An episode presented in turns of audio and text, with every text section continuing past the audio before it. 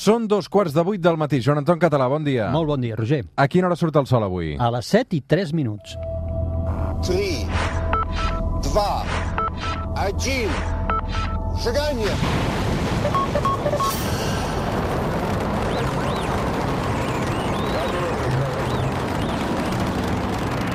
One small step for man,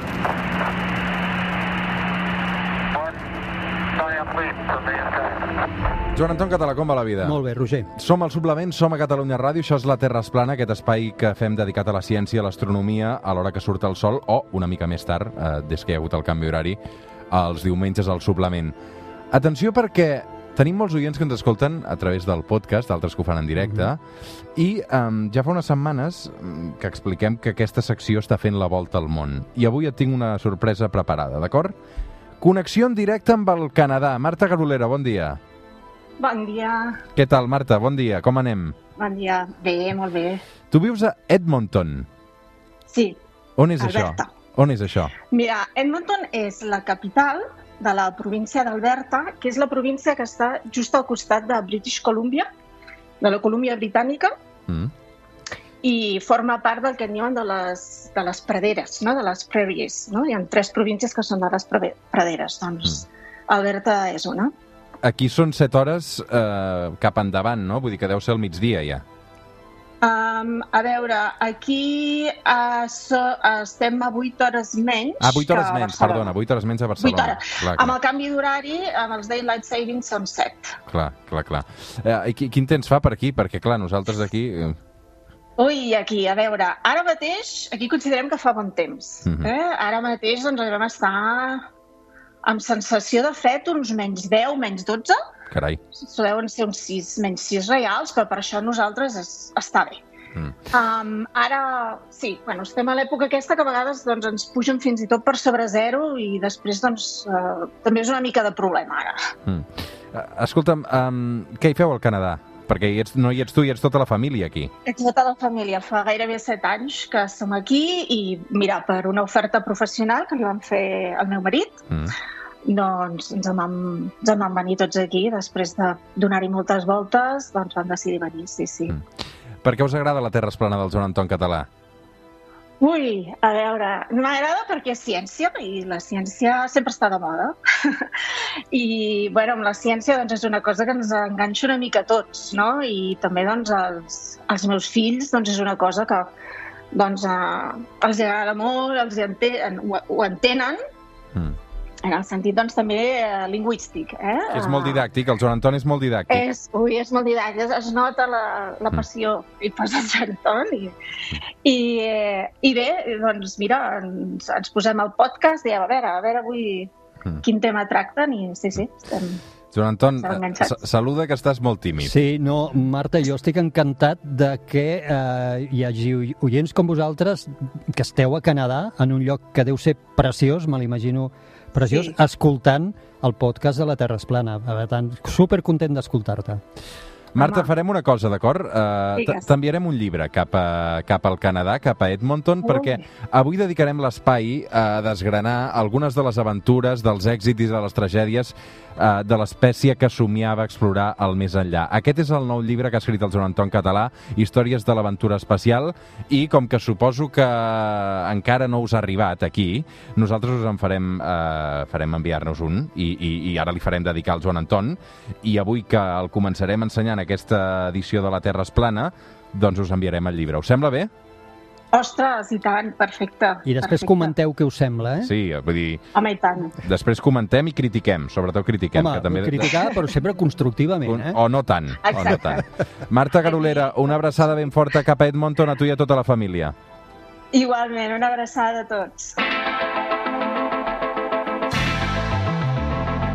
Doncs avui aquesta record i aquesta dedicatòria també per la Marta Garolera, una oient fidel, ella i tota la seva família, que ens escolten des del Canadà. Ho anunciam, 100 històries de l'aventura espacial, aquest llibre que fa unes setmanes que ha editat Cossetània Edicions, avui amb aquesta recerca increïble del Joan Anton Català, amb històries, amb anècdotes una mica de tota mena. Com les has seleccionat, Joan Anton? M'ha costat moltíssim, perquè afortunadament, tot i que ho tenim molt comprimit, eh, la, eh, tot el tema de l'espai ho hem fet en pocs anys, però sí que hi ha moltes anècdotes, moltes històries. M'ha costat molt, em vaig haver de fer com una una llista i d'aquesta llista començar a treure uh, i també a canviar. Eh? Vaig començar a escriure determinats capítols que finalment me'n donava compte que n'hi havia de més interessants. Va ser com un, un encaix de peces. En desgranarem alguns, d'acord? Molt bé. Els dos homes que van ser els cervells dels programes espacials, un expresoner i un exnazi. Sí, mira, a la banda soviètica, un expresoner, el, el famós Sergei Koriolov, que és un enginyer que havia estat empresonat als camps de treball de Sibèria per part de Stalin, quan va fer les grans purgues.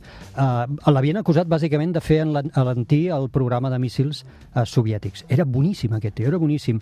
I finalment el van haver de rescatar perquè en sabia tant que, i el van enviar a estudiar les famoses bombes volants eh, alemanyes, les V2, que havien llançat els alemanys, els nazis, contra, contra Londres, i eh, a través d'aquell estudi, de l'estudi que ell va fer de les eh, V2, va aconseguir dissenyar els que serien els primers coets que portarien l'home als els, els satèl·lits a l'espai, a l'home a l'espai i encara avui a coets que estem utilitzant per portar astronautes a l'espai estan basats en la tecnologia mm. que aquest home va fer com sempre passa, històries aquestes de por i de misteri, va morir a la taula d'operacions, operant-se de pòlips, a l'any 1966, amb circumstàncies mai aclarides. Són típics dels soviètics que no explicaven res, i això fa que hi hagi rumors de tot tipus. En tenen uns quants, eh, d'aquests? Molts, molts, sí, molts, sí. que si se'l van carregar ells, que si no sé què, però la qüestió és que, a més, això els va marcar molt amb la cursa cap a la Lluna, la mort d'aquest home. Escolta'm, els, els, els americans tampoc es queden curts perquè tenien un ex-nazi a les seves files, Aguanta, el Von Braun. Ell, ell havia estat... Uh, Von Braun. Sí, exacte. Ell havia estat oficial nazi. Ell sempre va dir que es va veure obligat, que ell, de fet, havia, havia entrat a l'exèrcit perquè li encantava l'aeronàutica, li encantaven els coets, i que quan Hitler va arribar al poder ell es va trobar com posat no? dintre de les, de les SS, però, però va ser un home que va fer dissenys increïbles, malauradament alguns d'ells es van utilitzar militarment, com la V2, justament la V2, i ell era buscat o volgut pels americans i pels soviètics, el volien amb ell i els 500 persones que formaven part del seu equip. I ell es va posar bé per passar el bàndol americà. Eh? Ell ja es va col·locar i va fer que al final de la guerra fossin els americans el que el capturessin, el van traslladar als Estats Units i ell és el pare del programa espacial americà. Primer el tenien a l'ombra, perquè no quedava bé que un personatge, diríem, alemany, els perdedors de la guerra, etc, fos el que liderava el programa espacial americà, el van tenir amagadot, fins que finalment ja va agafar una, una visibilitat important i va arribar a ser un home amb molt, molt de poder, molt poderós dins de la NASA i dels programes espacials americans. Capítol 7, la gossa laica d'indigent heroïna de l'espai. Com va acabar la gossa laica? Ai, pobreta. Bueno, que la van enviar ja sentenciada de mort. Exactament, això molta gent no ho sap, però en el moment en què l'agafen dels carrers de Moscou, perquè era una gossa abandonada, eh, ja en aquell moment en què l'entrenen i la seva sort ja està decidida. Eh? Saben que l'envien a morir. Saben que l'envien a morir. L'envien al novembre del 1957 dins de l'Sputnik 2, eh, sense deixar respirar els americans. Havien enviat un mes abans l'Sputnik 1, que era el primer satèl·lit en anar a l'espai, ara envien el segon i el primer ser viu Mm. a l'espai, la gosa laica, i no li, la nau no portava ni provisions necessàries com per man- mantenir-la molts dies en òrbita, però sobretot el que no portava la nau era escut tèrmic. No podia mai reentrar a l'atmosfera. La gosa laica mora, de totes formes, a la quarta òrbita per l'estrès i per l'augment de temperatura dins la càpsula. Però hagués mort igualment en el moment de la reentrada. O sigui, de calor. Sí, i d'estrès. Eh? Les pulsacions al cor, bueno, pobre animal, no ho devia passar gaire bé en aquella experiència. Mm. Escolta'm, hi ha moments també per l'humor, l'exploració de l'esplai eh, no és tan glamurosa com sembla. Per, eh, per exemple, si repassem el cas d'Alan Shepard, no? Exacte, es va fer pipi dins del vestit espacial. Mm. Ell va ser el primer americà... Això és com els nedadors de surf, eh, els surfistes que, que es fan pipi dins del traje de neoprè.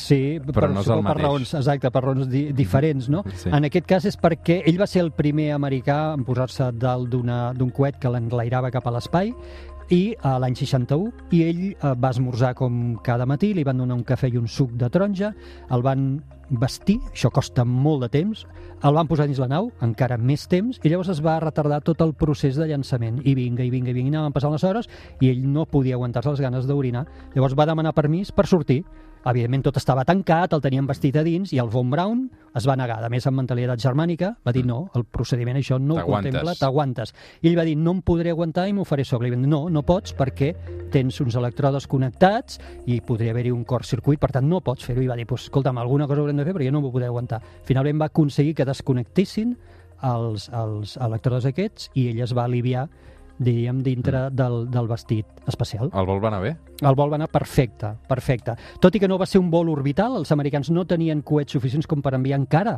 a l'home en òrbita i va fer un, va fer un tir parabòlic. Uh, ja se'n va encarregar el, el premier soviètic en aquell moment, que era el Nikita Khrushchev, en riure-se'n del vol de l'any Shepard, el va comparar amb el del seu Yuri Gagarin Mhm. i va dir textualment que el vol americà havia estat simplement un salt de puça. Escolta'm, el Yuri Gagarin va morir en circumstàncies també molt estranyes, Clar, no? aquí és on anem en tota... Clar, quan no hi ha informació i no t'expliquen les coses, les teories. Recordem primer qui era aquest senyor? Yuri Gagarin, primer home a anar a, a anar a l'espai, eh? i això ho va fer a l'any 1961. Es va convertir en un personatge públic de la Unió Soviètica que el portaven a passejar. Donava conferències, feia demostracions, bueno, era un, un personatge que el van explotar eh, d'una forma important. Ells, eh, el règim soviètic va intentar que ell no tornés a volar. Ell era pilot militar, el volien protegir, llavors que no pogués tenir cap accident, però ell va, va intentar-ho, tornar a la professió de pilot i finalment ho va aconseguir eh? i va tornar a pilotar. I el 27 de març de 1968, set anys després ell d'anar a l'espai, es mata en un accident eh, dins d'un MiG-15, d'un caça de combat soviètic, ell i un monitor que anaven, i aquest accident mai s'acaba d'explicar. Està rodejat d'un misteri increïble. I llavors, clar, comencen a aparèixer les teories de la conspiració, que si han estat els mateixos soviètics que l'han volgut eliminar perquè s'havia convertit en una persona mm. molt poderosa i molta informació, i fins i tot vaig acabar trobant, quan vaig preparar tot el llibre, històries d'ETs, que si els ETs havien vingut i l'havien realment capturat perquè era un personatge doncs, que ells també Mm. volien estudiar. Si llegiu el llibre hi trobareu una mica també la visió del Joan Anton aquí. Eh, Sí, la visió del Jordan, però sobretot el recull del que pensem que va passar, perquè al final tot això més o menys s'han anat encaixant les peces i avui sembla que hi ha un possible relat del que realment va passar. Quin any són els primers astronautes? Uh, doncs mira, a finals de la dècada dels 50, la NASA crea l'ofici d'astronauta. Fixa't, és que clar, no existia aquest ofici. O sigui que els d'abans dels 50 no podien dir allò de tu de grans vols ser. No sabia, no. no sabia del que era. Mm, ah. Potser somiaven anar a l'espai, com molts abans. I com, com ho venien? Doncs mira, es va, van publicar un anunci. Eh? Ara, mm, ara faríem, no sé, ho posaríem a internet, doncs en aquell moment van publicar un anunci, es busquen astronautes. Oferien un sou que era molt elevat per l'època i unes condicions. Entre les condicions havies de ser pilot Mm. militar, això excloia les dones completament, perquè per llei no podien ser pilots eh, militars, estar en excel·lent condició física, tenir entre 20 i 40 anys, no fer més de 180 centímetres d'alçada i tenir un títol universitari en enginyeria o equivalent. Eh? Uh, I com et deia, havien de ser homes els candidats perquè només amb la primera condició, el de ser pilot militar, ja una dona no podia presentar-se. déu nhi D'aquest anunci van sortir el Mercury 7, que són els set primers astronautes que van anar eh, cap a l'espai. Exacte, en van rebre 508 sol·licituds, la NASA, d'aquestes van fer un filtratge brutal i se'n van quedar amb 7, que eren els anomenats Mercury 7, i aquí hi ha noms famosos que n'hem parlat alguna vegada i tots, a lo millor n'hem llegit, com aquest, l'Alan Shepard que comentàvem abans, el John Glenn, que va ser el primer americà realment en orbitar, el Gus Grimson i l'Ed White, que van ser dos grans herois que van acabar morint anys després en l'Apolo 1, Mm. I després van aparèixer les Mercury 13, que eren 13 dones. Però aquestes amagadotes, mai, mai els Estats Units van voler acceptar eh, i extraoficialment el que estaven fent és seleccionar dones perquè el que volien veure si la dona podia ser un bon candidat per anar a l'espai. Tot indicava que sí, perquè era també una qüestió de pes, els coets eren molt limitats, i van seleccionar 13 dones i les van fer passar els mateixos proves físiques i psicològiques que els homes. No només ho van superar, sinó que algunes d'elles superant en millor nota, en millors qualificacions que els seus col·legues masculins. Però finalment els Estats Units van acabar abandonant el programa, mai li van donar llum. Van agafar a la dona que havia obtingut la millor qualificació, Geraldine Cobb, i li van oferir, per tenir-la contenta, un ofici de consultora dins la NASA. Ella va a, a, arribar a declarar que se sentia la consultora menys consultada de la història. I finalment, quan els russos envien la Valentina Tereskova a l'espai a l'any 63, ella no ho pot aguantar i renuncia a la seva posició a la NASA. En principi no hi ha dubtes que la primera persona que va trepitjar la Lluna va ser Neil Armstrong, Mm -hmm. però això no estava tan clar, hi va haver discussió aquí. Molta, i de fet el que s'esperava és que fos Aldrin, perquè, a veure, t'explico, Havien, anaven dues persones en el mòdul lunar. Un era el comandant, en aquest cas l'Armstrong. L'Aldrin s'anomenava pilot. No és que pilotés la nau, els americans havien creat el nom pilot anys abans perquè per no menysprear la figura de l'acompanyant del comandant. En veritat, el acompanyant era realment el pilot, eh? però en aquest segon acompanyant li havien dit pilot. Tot deia que el que havia de sortir primer, i així ho feien quan anaven sortint a passejar l'espai, era l'acompanyant, era el pilot, era Aldrin, perquè el comandant es quedava dins de la nau, per si passava alguna cosa. Per tant, tothom esperava que Aldrin fos el primer en posar el peu. Però els americans acaben decidint que serà a l'Armstrong. Això entre ells dos va generar conflicte? Uà, moltíssim. Clar, per què? Perquè, mira, els Estats Units, de fet, ho expliquen, ho van explicar dient com que la comporta de sortida està posi posicionada en un lloc que per sortir a l'Aldrin hauria de passar per sobre de l'Armstrong, doncs no és aquesta l'opció. Eh? I per tant farem sortir a l'Armstrong primer, però això és una, anava a dir una tonteria, no? perquè podrien haver canviat la posició. En veritat hi ha unes raons més clares de per què la NASA acaba decidint que és l'Armstrong, bàsicament perquè és, no és militar, és civil, mm. i perquè és un tio en una humilitat i una capacitat relacional més això, més humil i més, més propera que Aldrin, i se senten millor representats per la figura d'Armstrong, tot i que això mai no ho van arribar a dir d'aquesta forma, eh? i la raó, raó oficial va ser l'altra que Però és deia. que, clar, després de l'èxit que va ser eh, poder trepitjar la Lluna per, per l'home, um, van fer una gira no? de reconeixements Sí, i, sí. i havien d'anar tots tres a fer passejos. Sí. Com, eh, hi havia una relació personal tensa allà. Molt tensa. De fet, els tres mai van ser amics. El Collins, mm. l'Armstrong i l'Aldrin. Collins, per cert, era un tio superestimat. Un tio extrovertit, molt, molt, molt estimat. Uh, Armstrong era rarillo, uh, tot i que era cordial, era humil, però tenia les seves coses, i Aldrin era bastant trapilla, eh? pel que sembla, un tio pues, que... Llavors, ells, entre ells, mai van ser amics. I, de fet, les dones van intentar, com havia passat en altres Apolos, en altres tripulacions, fer pinya mm -hmm. i fer les típiques barbacoes americanes, i no se n'acabaven de sortir. De fet, uh, no sé si has vist The Crown, la sèrie sobre la reina No. d'Anglaterra. No. Aquesta última temporada, un dels capítols es dedica precisament a l'arribada de l'home a la Lluna. I després de- d'aquest èxit, uh, tots tres visiten la reina d'Anglaterra Uh -huh. i uh, el marit de la reina està entusiasmat amb, amb, amb, amb, amb aquesta visita i, i, i la trobada la fan molt cordial, no es veuen totes aquestes relacions que tu estàs descrivint ara, però eh, tots tres estan refredats, tots tres estan constipats perquè diuen que també era una de les conseqüències d'haver aconseguit l'èxit i suposo del canvi de temperatura, que el normal és després quan arribaven a, a, a, a, al planeta Terra, doncs una de les coses que experimentaven era que, que es posaven malalts. Això no ho sabia, això no ho sabia. És possible pel que No sé deies. si és ficció o és realitat, eh? I no, no, no, no acabo d'entendre que sigui una cosa que, que, que s'hagi d'inventar la ficció. No, eh, és veritat que els tenien en quarantena quan arribaven, Mm. eh, i per tant els tenien molt protegits, però possiblement com a conseqüència de tot el que venia després, eh, que eren personatges que s'havien convertit en personatges públics, eh, i els havien de fer sortir, havien de fer viatges, donaven conferències, és possible que una de les conseqüències fos el tema salut.